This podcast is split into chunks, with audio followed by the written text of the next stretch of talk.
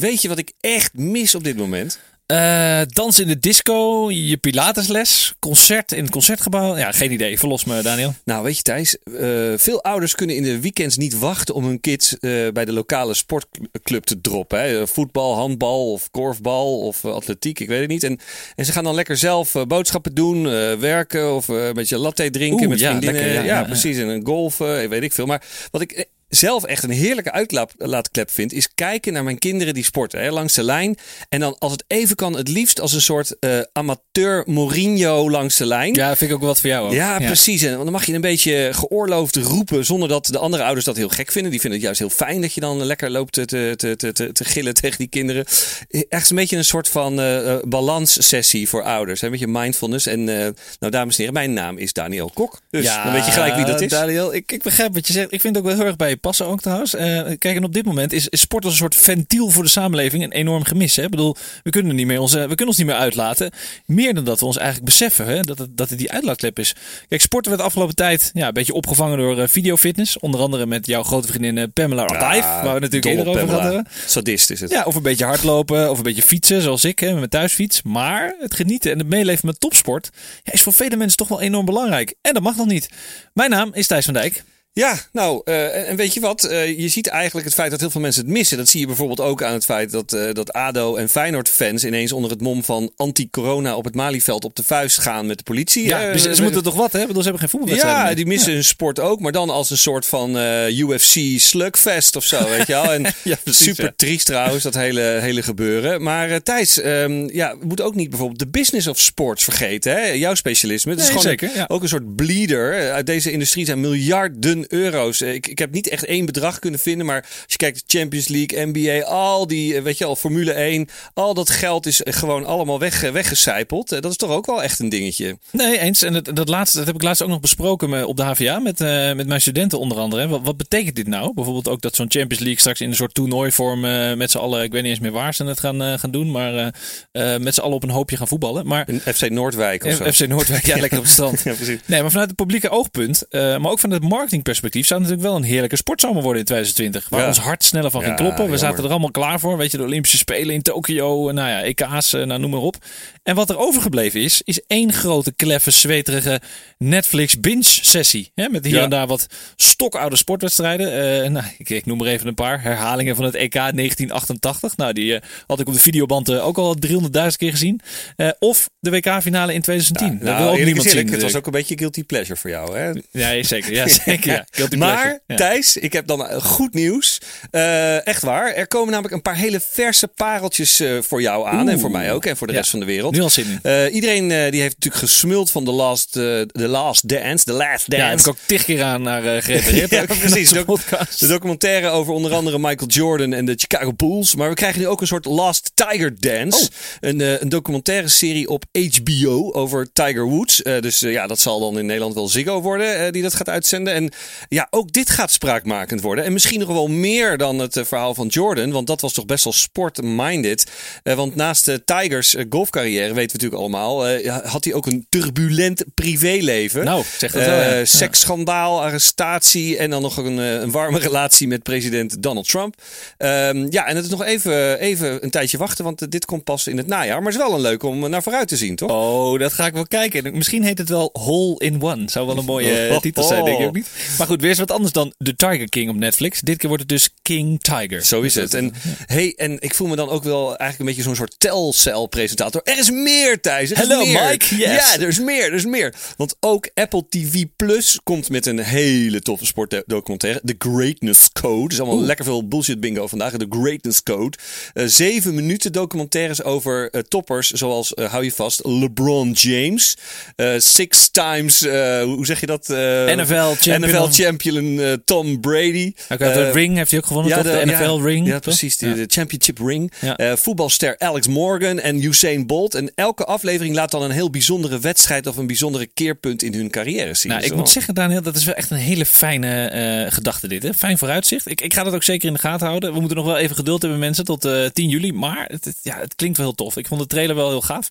En het voelt ook toch wel wat, eh, wat toffer dan die wedstrijden in een leeg stadion met dat eh, neppubliek. Weet je wel? In, eh, in Spanje, Engeland of Duitsland. Woe! En dan een soort lachband afdraaien, zoals bij sitcoms. ja, en dan ook nog eens een hele rij kartonnen fans op de tribune. Ja, ik, eh, las ja. dat afgelopen week dat ineens eh, Osama Bin Laden bij Leeds United op de tribune zat, bijvoorbeeld. Ja, Eh, dat is dus die typische hooligan humor, toch? Net als in eh, Australië las ik dat ze eh, Hitler en dan nog een andere seriemoordenaar, Harold Shipman, ik had nog niet van hem gehoord, maar die hadden ze terug moeten vragen om ja, terug te gaan naar de papierbak. Papier hier, misschien uh, Holle terug papierbak. Hitler. Ja, precies.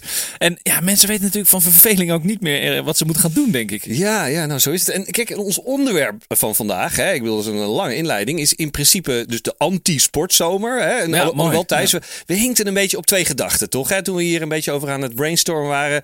Ons was namelijk ook opgevallen wat voor enorme overgevoeligheid er mo- momenteel heerst. Hè? Ja, korte lontjes. eh, ja, precies. land, hoor, nou, korte lontjes, lange teentjes, scherpe klauwtjes. Hè, allemaal mooie metaforen. En het blijkt dat er ehm, ja, ook regelmatig dus een link met sporten eh, te vinden is. Hè. En sport is emotie. Sport is inderdaad, zoals je net al zei, een beetje het ventiel van de samenleving. En relletjes die zijn er eigenlijk altijd. Eh, alleen als er geen corona is, onder normale omstandigheden, staat er een dag later een volgende wedstrijd of een volgende eh rel weer eh, klaar. Weet je wel? Dus, en dan vergeet je eigenlijk dat incident van een week ervoor. Dus dat, zo gaat het normaal. Maar nu blijft dat dus dooremmeren. Ja, en er wordt ook wel extreem fel gereageerd door iedereen. Hè? Iedereen loopt, zoals je zegt, ook op zijn of haar tenen. En ja, de lockdown heeft van ons een soort van eh, kluizenaartjes gemaakt. Die na maanden in het donker zo van heel voorzichtig knipperend met onze ogen in het, in het zonlicht komen. En dan denken, oh, we mogen weer naar buiten. En, en als iemand dan een hand op je schouder legt of iets zegt, dan krijg je een soort Rain Man-achtige reactie. Of gewoon een klap voor je hartstikke. Kan ook, ja.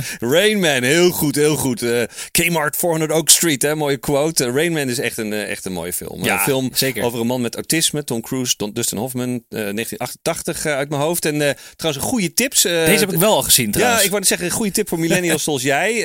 eh, die zeg maar de Netflix-game eh, helemaal hebben uitgespeeld. Eh, pak dit oudje, Rain Man, er ook even bij, mensen. Nou, Dus gewoon, kijk, een goede tip Daniel weer voor iedereen. Eh, ik kom binnenkort wel eh, eens met die doos met oude VHS-videobanden wel bij Oh, ophalen, denk gaan we zo Eh, beginnen. Ja, ja, dit- dit- Nou, dit- dit- dat moet ik dan toch nou, maar je kunt honderd keer beter een doos met VS-banden hebben dan al die eh, illegale downloads eh, van jou. Dus Stichting Brein, stil. jongens, Amsterdam, Noord.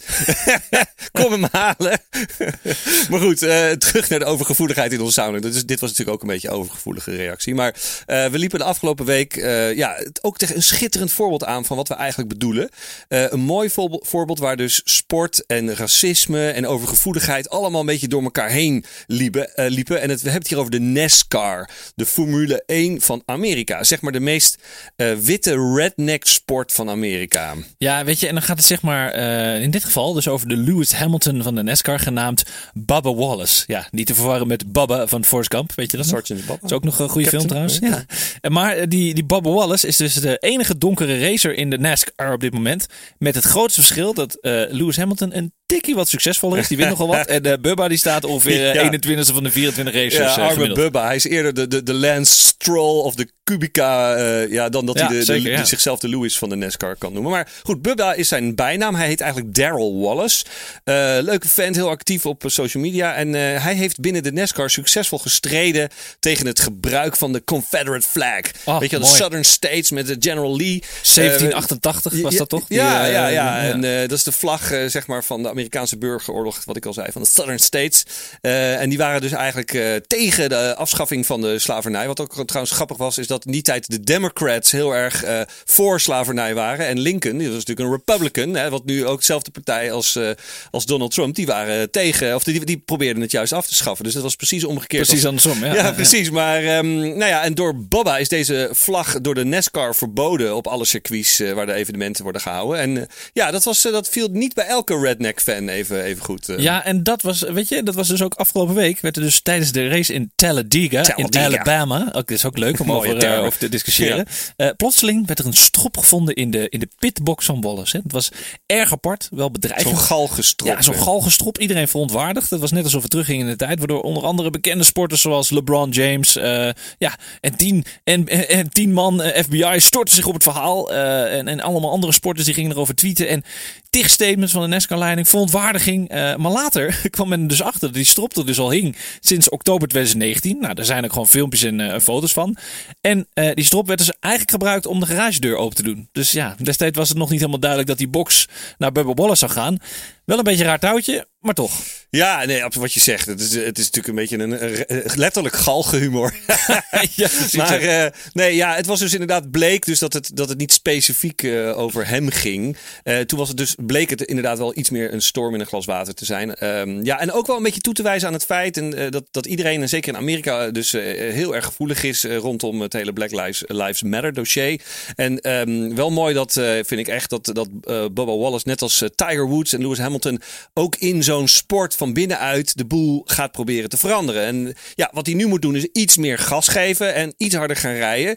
Want als winnaar, weet je wel, wat uh, Lewis en Tiger natuurlijk absoluut zijn, heb je ook echt een iets beter uh, podium om je boodschap te laten resoneren. Ik denk dat heel veel mensen in Nederland hem ook echt überhaupt niet kennen. En, nee, ik heb nog nooit uh, van gehoord. Deze ja, man. en nee. weet je, in Amerika misschien wel iets meer. En het lukt hem momenteel ook niet goed om bijvoorbeeld om sponsors te vinden. Hè? En dan, waar ligt dat dan aan, zou je zeggen? Is dat ook discriminatie? Nou ja, misschien, maar het ligt ook wel echt aan hemzelf. Ik had een mooi voorbeeld, vond ik ervan. bij het begin van de coronatijd deed Boba mee met een sim race. Zeg maar een computerrace op, ja, op, op bestaande circuits. Een beetje geen, soort... geen Le Mans, toch? Wat, dat, wat, dat was wat Verstappen deed. Die reed dan 24 uur Le Mans en toen liep zijn computer vast. geen idee. Maar ja. het was gewoon een van de races die een, die deed. een reguliere sim ja, ja, ja, maar dan op een bestaand circuit, digitaal. En op een bepaald moment uh, maakte hij een paar fouten. En dan weet ik veel wat er aan de hand was. En hij kwam een beetje achteraan te rijden. En, ja, Zoals gebruikelijk. Dat deed hij in ja, dat, dat, dat ja. deed hij eigenlijk in de echte races Zou ook je altijd. moeten zijn. Dus in die ja. zin klopte het heel erg. En hij deed dus wat veel, ja, wat jij en ik zouden doen. Je gooit je, je, je controller in de hoek en je zegt, nou oké, okay, doei, ik kap ermee. Maar het grote verschil met jou en mij is, is dat er dus 14 miljoen mensen zaten te kijken. Nee, dat heb ik niet tijdens mijn ritje. Nee, nee dus echt nee. heel België en Litouwen bij elkaar. Die zitten dan te kijken. Bijna net zoveel mensen als in Nederland. En, uh, en deze actie, die kostte vervolgens zijn team ook nog een sponsor. Die zei van, we don't like quitters. We like racers. Um, en, ja, Mooie quote ook weer. Zou ik iemand dan moeten adapteren? Ja, dit, uh, ja nee, maar ja. Die, die, die, die, vonden dat geen goed idee. Zij betalen natuurlijk dat hun logo heel veel rondjes rijdt. En of het nou voor of achter is, liever voor. Maar ja, als het dan achter is, dan staat hij toch in beeld voor 14 miljoen mensen. Dus uh, ja, nogmaals, Bobba die, uh, die is goed bezig met zijn inhoudelijke boodschap. Maar die laat ook wat kansjes liggen. Dus dat, uh, dat is onze tip. Nou ja, wellicht, wellicht zou hij ook in een, in, een, in een zwarte Mercedes kunnen gaan rijden. Net als Hamilton nu doet. Hè. Die gaat nu een soort de Mercedes helemaal in het zwart straks op, op Oostenrijk. Dus dat zou nog een Ja, statement nou kunnen ja, zijn. Valt hij misschien een beetje op. Ja. Wat meer ruimte voor sponsors. Uh, anyway, over uh, e-sports gesproken. Hè. Dat is dus eigenlijk door de coronacrisis alleen maar uh, harder gaan groeien. Uh, een voorspelling van PricewaterhouseCoopers laat zien dat ze verwachten dat deze markt in twee jaar kan gaan verdubbelen naar bijna 2 miljard euro. Ja, Nou, best aardig bedrag ook trouwens. En onlangs kwam dus in het nieuws, vond ik wel interessant, dat uh, miljonairs en uh, voetballers als David Beckham, maar ook nu Real Madrid keeper Thibaut Courtois, ook weer een Belg, Oh. um, belang hebben genomen in, in zogenaamde e-sports bedrijven. Klein puntje van aandacht. het is wel een enorme mannenindustrie. Hè? Men, er wordt vaak gezegd dat alleen maar mannen gamen. Nou, in een artikel van Mashable uh, las ik dat dus de topmannen of de, de topspelers Ja. 40 keer zoveel verdienen als de vrouwen op dit moment. Nou, dan zijn er ook wel 40 keer zoveel mannen, misschien Dat wel denk 100 ik keer ook, zoveel ja. mannen. Maar die gasten die pakken dus echt miljoenen aan, aan, aan euro's, ja, aan prijzengeld als ze zo'n uh, zo'n toernooi winnen. En ja, de vrouwen maar een tonnetje of twee. In het kader van uh, emancipatie op het gebied van gaming, ja, dat is nog niet helemaal, uh, nog niet helemaal lekker. Het is nog een beetje E2, zeg maar. nou goed, ja, dat is echt een hele mooie. Hey, en, maar um, ja, wat waren nou nog meer sensitieve sportissues van de, van de afgelopen week? Want ik heb er meer gehoord. Toch? Ja, ja, er zijn er heel veel. En in, in, ik heb er eentje, dat is een beetje letterlijke zin, is dat sensitief. Dus uh, gevoelig huidnieuws. Oh. ja, over Olympisch turnkampioen en Friesland Campina-icoon uh, Epke Zonderland. Hij staat, hij staat. Ja, hij Ja, staat, die. hij staat. Dokter Epke. Uh, en die is nu het ge gezicht geworden van The Shaving Institute. Mooi. Weet je wel, super mooi. Een bedrijf wat zich richt op innovatieve scheerproducten. En ja, die sluit natuurlijk perfect aan op het gevoelige huidje van Epke. Want laten we eerlijk zijn, uh, ja, veel baardgroei heeft hij volgens mij niet, toch? Dus, nee, dat is ook wel knap van de, de Shaving Institute. Ja, dat is door misschien, hun. Misschien had hij het al gebruikt. Nee, en ik las dat dit dus een, een, een jonge Groningse start-up Ja, is. uh, die een, uh, een scheer- en verzorgingslotion ontwikkelt. Wat, zoals ze zelf zeggen, een afzonderlijke scheerschuim en aftershave lotion overbodig maakt. Bullshit. Oh, Ja, misschien moeten, ze, misschien moeten ze ons sponsoren, want we hebben ze nu meer aandacht gegeven dan ze volgens mij op social media hebben. Ja. Uh, maar wel perfect natuurlijk voor zo'n persikhuidje van die turners die veel in de spotlight staan. Misschien ook wel wat voor uh, Jeffrey Wammes. Zijn we ook wat inclusiever ook? Ja, Jeffrey Wammes, die zat uh, toch, die deed mee aan Adam en Eva. En dan liep hij in zijn blote kont. Oh ja, ja klopt, samen met Inge de Samen met Inge de Bruin. Ja, precies. Ja, precies ja. Hey, en uh, ja, nee, dus uh, die kan inderdaad wel wat uh, scheerspullen gebruiken als je helemaal Op naakt... alle plekken te gebruiken. Ja, precies. Maar ja, je zegt Groningsbedrijf. eigenlijk zouden zij dus even door moeten pakken en dan ook Arjan Robben gelijk moeten meepakken. Dat toch? is slim, ja, zeker. Weet je wel, die keert Dichtbij, nou, bijna twintig jaar terug in het noorden. En Arjan is ook zo'n man met een gladde kin en een gladde schedel. Dus ja, ook voor op, op het hoofd. maar goed, ik vind dat we dat altijd een beetje moeten promoten, dit soort start-ups. Dit lijkt me echt wel een top idee. Misschien kunnen ze dan ook op een shirt van, van FC Groningen. En bedoel, dit gratis advies gaan we nog eventjes aan, uh, aan de Shaving Instituut en Daan Hogewoning uh, doorgeven. Misschien doet hij er wat mee. Nou ja, dan kan Daan gelijk uitleggen hoe, hoe, hoe dat product dan al die andere producten vervangt. Dat, dat vind ik dan even, even dat, dat hij daar de kans voor moet krijgen. Ik vind het heel erg interessant. Nou, deze start-up heeft dus al gewoon gratis exposure gekregen, dus graag gedaan. maar goed, er was nog iets, nou, wat iets spraakmakender was. sensitief sportnieuws was natuurlijk eigenlijk de ruzie rond uh, Voetbal Insight. Hè? Van, uh, Ja, nou, we ja, ook niet eens Voetbal Insight noemen. Het is Veronica Insight. Iedereen verwart het vaak met Voetbal Insight. Maar het heet Veronica Insight. Was vroeger van VI. Nou, daar kunnen we niet omheen. Uh, en daar heeft iedereen natuurlijk al aandacht aan besteed. Dus ja, dat moeten wij natuurlijk ook doen. Johan Derks die maakte namelijk een nou, best botte opmerking over activist en ook zelfbenoemd woordkunstenaar Aquasi. Die op de Dam stond te schreeuwen tegen Zwarte Piet. Ehm, de helft van de mensen schreeuwde racisme. Een kwart riep slechte grap. En een andere kwart riep goede grap. Nou, het was een soort fitty tot en met. En die stonden dus in een soort ja, social media battle op, op Twitter en Facebook. Stonden die soort van lijnrecht tegenover elkaar. We hadden het net over de hooligans op het Malieveld. Nou, dit waren de hooligans op social media. Ja. Uh, maar kijk, ja, ik moet wel zeggen, ik ben een beetje klaar met, uh, met deze discussie. Moet, moeten we hier nog heel veel aandacht aan geven? Nou, dan? eigenlijk niet. Uh, ik denk wel dat, dat dit programma, hè, wat dus uiteindelijk 1,7 miljoen kijkers trok. En dan al die, die sponsors allemaal opgestapt. Ik denk dat dat wel een, een kandidaat is voor Media Moment van het jaar. Ik denk wel dat uiteindelijk de winnaar gaat zijn. Uh, toch de persconferenties van Rutte met het, het hamstergebaar van doventolk Irma Sluis. Die krijgt in ieder geval mijn stem. Het is wel jammer dat we dat niet kunnen zien nu, dames en heren. Dat, dat, dat, het een podcast is dat jullie nu niet Daniel, zeg maar, ook voor de, nou, de doofwestlegde horende ja, gebarentaal ja, zitten ja, doen. Ja, ja, nee, precies. Uh, nou ja, dat, dat moet wel op een andere manier op zien te lossen. Misschien als Google met zijn AI komt, dat je er gewoon te, tekst van braaien van of kan even maken. een leuke selfie op social. Hè? Ja, zo is het. Maar goed, um, maar dat kunnen ze ook niet zien. Dus dat is ook, ook weer makkelijk. Ja, ja, ja, precies. maar goed, uh, misschien even kort over, uh, over het programma. Ja, oh ja, nou ja, goed, we gaan het er heel snel doorheen. Maar voor de mensen die het gemist hebben, dus dat is niemand. Heb je onder een steen gelegen? Ja, precies. Uh, in een soort tenenkomende uitzending op 22 juni ging, gingen Derks en Gené het gesprek aan met onder andere Dries Boussata en Natasja Harlekin. in een poging Johan Derksen van mening te laten veranderen. Kansloos. En, ja, nee, absoluut. Die man is inderdaad altijd best wel, zit wel stevig in zijn mening. En om een soort handreiking ja, te krijgen. En hij bleef best wel lomp. En Gené werd na dit uur door een deel van Nederland, een, groot deel van Nederland, bestempeld uh, tot de Judas van Medialand. En allerlei gifjes en uh, postings tot gevolg. Dat ja, was eigenlijk het is uniek trouwens, hè, dat er ook voor het eerst geen adverteerders in dat reclameblok Ja. zaten. En dus de, de aflevering begon ook met Johan, ik ga niet door het stof, ik ga niet mijn excuses aanbieden. Lekker in het kader van meewerkend. Ja. Maar de adverteerders zoals Gillette, Cesprit, Albert Heijn, ja, die spraken zich ook echt uit. Hè? En die zeiden van, nou, wij gaan niet adverteren rondom het programma, wij trekken ons terug. Terwijl ook een groot merk als Toto, waarin Johan toch ook ooit koning Toto was. Die zeiden van nou, we noemen, we noemen het eigenlijk... Voormalig koning Toto. Voormalig, voormalig koning Toto. Dan zeggen ze, nou, het is een eigen verantwoordelijkheid van Johan. Maar ja, toch uh, trok ze een beetje hun handen ervan af. En. Het voelde een beetje, uh, net als bij het begin van, uh, van Jinek, hè, van, uh, van de show van Eva Jinek. Aan het begin van het tv-seizoen van vorig jaar. Maar ja, dat was eigenlijk gewoon om het doorkijkeffect van de show wat meer Ja, die had ook leeg, ook het reclameblok ja, weggehaald. die hadden ook gewoon gezegd van nou ja, we moeten ervoor zorgen dat we, dat, dat we gaan strijden tegen de, tegen de, tegen de andere partij op, op NPO 1. Maar goed, zoals je al zei, uh, 1,7 miljoen mensen keken toch naar deze klucht. Ja, ja, ja. Alles voor de kijkcijfers, Daniel. En alles voor de luistercijfers, hè? een beetje bij ons ook. Ja, ja, ja, in principes die mogen natuurlijk eh, wel wat, eh, wat kosten. Ik ben echt benieuwd eh, of het eh, terugkomt. Eh, mensen die verwachten van niet. Maar eerlijk gezegd, over het algemeen is het zo dat als, eh, als je dan een hele zomer lang geen geld verdiend hebt, dat je dan toch denkt, nou, misschien moet ik... Ja, joh, dat waait na de zomer wel over en dan zitten we gewoon weer met z'n allen Veronica Inside te kijken. En dan is to- Wilfred Gené vervangen door eh Jelte van der Groot en dan gaan we gewoon lekker verder. Ja, love each other. Toch? Maar goed, eh, genoeg hierover. Hè? Klaar, klaar. We, we stuiteren van de kantinehumor naar Disney Entertainment. Eh, Ah, meer- dat is leuk. Dat is ook mijn guilty pleasure. Precies, meer Disney. Ja. gelikte vorm van entertainment. Eh, ja, en NBA, die gaat, eh, de, de, de, de, National Basketball Association aan Amerika, we hadden het er al in de vorige uitzending ook al over. Die gaat het seizoen, die was natuurlijk gestopt, een van de eerste die, die stopte met, met sporten.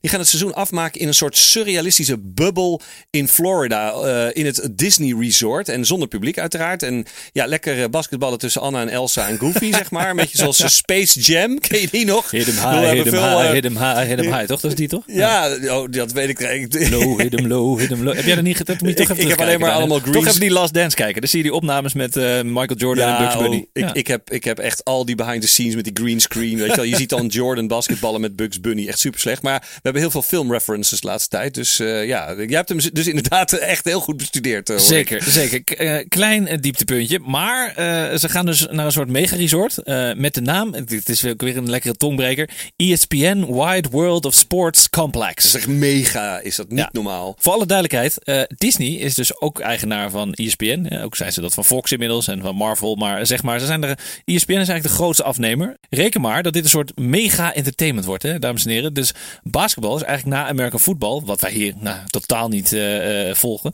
de populairste sport. En de playoffs zijn dan het allerbelangrijkste. En dan komt LeBron weer naar voren.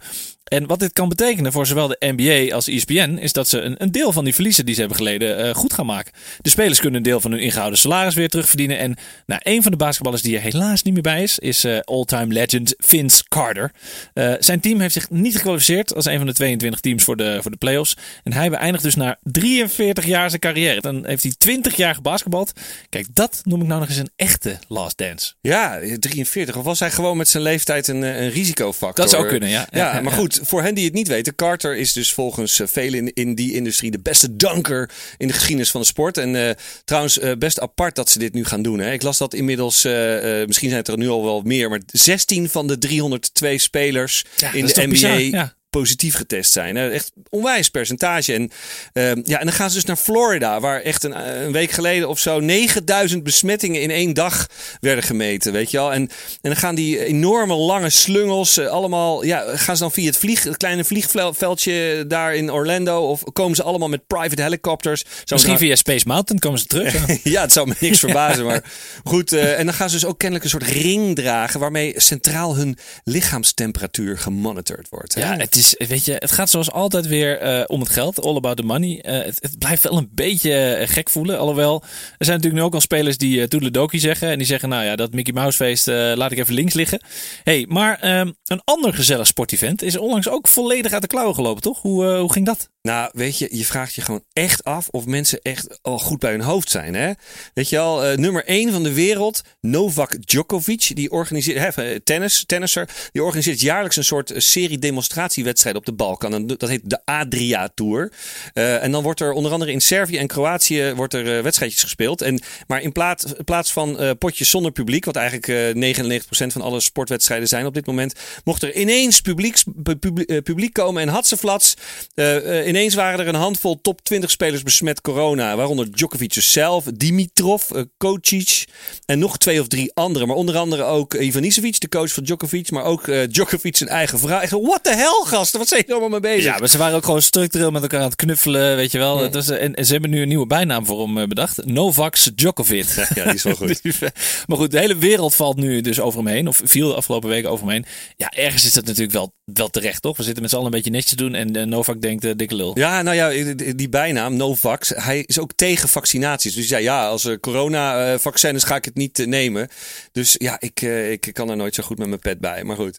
Wat? Serieus? Ja, ja, Jezus, ja, ja, Deze ja. Man is wel echt een beetje een idioot aan het worden. Hè? Ik bedoel, hij is ook een beetje clown op de tennisbaan. Maar goed, wat kan hij tennissen? Zeg maar dan Ja, dat kan hij wel. Maar feestjes organiseren, eh, is hij niet zo goed in. Nou, ik ben wel benieuwd of hier nog iemand aansprakelijk voor wordt gesteld. Dit is natuurlijk wel enorm dom. Hè? De grap is dat iedereen nu eh tennisser Dimitrov als patient zero aanwijst op dat toernooi. Maar ja, hebben we wel met z'n allen, eh, volgens mij hebben ze met z'n allen in een Servische discotheek lopen, lopen limbo dansen en een beetje lopen schuurfeesten. En daar zijn dus ook op social media allemaal filmpjes van te vinden. Wat ik dan wel, wel weer hilarisch vond, is dat dus Nick Kyrgios, een van de bad boys uit het eh, tennis, Ja, die was er niet bij. op social media, die ging dus een beetje los op deze groep. Weet je wel? Die, eh, ter- terwijl die ja, normaal gesproken van langs krijgt voor zijn gekke stunts en voor zijn gekke uitspraken eh, die, die, die Ja. doet. Dat is ook wel weer mooi, toch? Lekker hypocriet. De corona limbo dans. eh, rare, rare toestand. hey, maar Thijs, gefeliciteerd met je broer Virgil natuurlijk. Ah ja, my brother from another mother. Ja, Ja. nee, I wish. Ik, ik, ik zou wensen dat dat mijn broer was. Ehm hij is, Virgil van Dijk is wel ongeveer even lang, dat wel, dames en heren. Maar hij houdt verder de vergelijking wel een beetje op. Maar wel echt mooi. Ja, het kampioenschap van Liverpool voor het eerst in 30 jaar tijd. Hè, en zo ook nog Uh, ja, in de festiviteiten was, waren ze er ook niet heel erg bezig met uh, COVID-19. Ja, dat was ook een beetje een Djokovic-achtig Ja, dat was, uh, maar het is toch goed en ook geweldig. Ik vind het wel fijn voor Liverpool dat ze kampioen zijn geworden. En ik las ook nog dat sponsor Carlsberg, het biertje, met een speciale serie rode blikjes uitkomt. Nou, lekker toch? En, en Virgil, mijn broer, kreeg dus van de Engelse pers een 10 met een griffel. Hij was de beste verdediger ooit, zeiden ze. En hij was niet tot een legend gekroond. Hij was dus niet de Kenny Dalglish categorie. Maar net niet. En dan een leuke anekdote. Mijn oom, die is echt een voetbal voetbalkenner, heeft ook bij de KNVB gewerkt. Die zegt, ja, ik was eigenlijk nooit een fan van uh, onze Virgil. Hij vond hem maar een beetje traag en hij vond hem altijd een beetje een verkeersregelaar. Stond hij met zijn handen zo op het uh, veld te regelen. Oh, oké. Nou ja, ik denk dat die oom even, die moet heel even een halfjaartje even niks zeggen. Dan. Even stil blijven. Virgil ja, did prove you wrong. Nou ja, ik ben benieuwd wat hij van Matthijs de Licht vindt. Want die is dus ook in bloedvorm in de Serie A. En de Italiaanse noemen hem, of de Italianen, Italiaanse pers noemt hem tegenwoordig Il Muro. Oh, Weet je de muur. Ja. De muur. En hij houdt al echt al vier wedstrijden de nul of zo. En hij scoorde afgelopen weekend ook nog. En ja, ik denk dat Oranje op dit moment wel het beste centrale duo van de wereld heeft. Hè? En echt jammer dat het EK niet doorging uh, trouwens. Op één centraal duo na, Daniel. Ah, oh je bedoelt uh, ons tweeën. Maar ja, wij, ik weet niet of wij een goed centraal voetbalduo zijn. We zijn meer een, een komisch duo en dan niet de Il Muro, maar de meer de Snack Muro of zo. of de Klaagmuro. Dat kan ja, precies. Nou, wel lekker toch? Beetje koffie met een kroket. Ik, ja. ik doe het ervoor. Ja.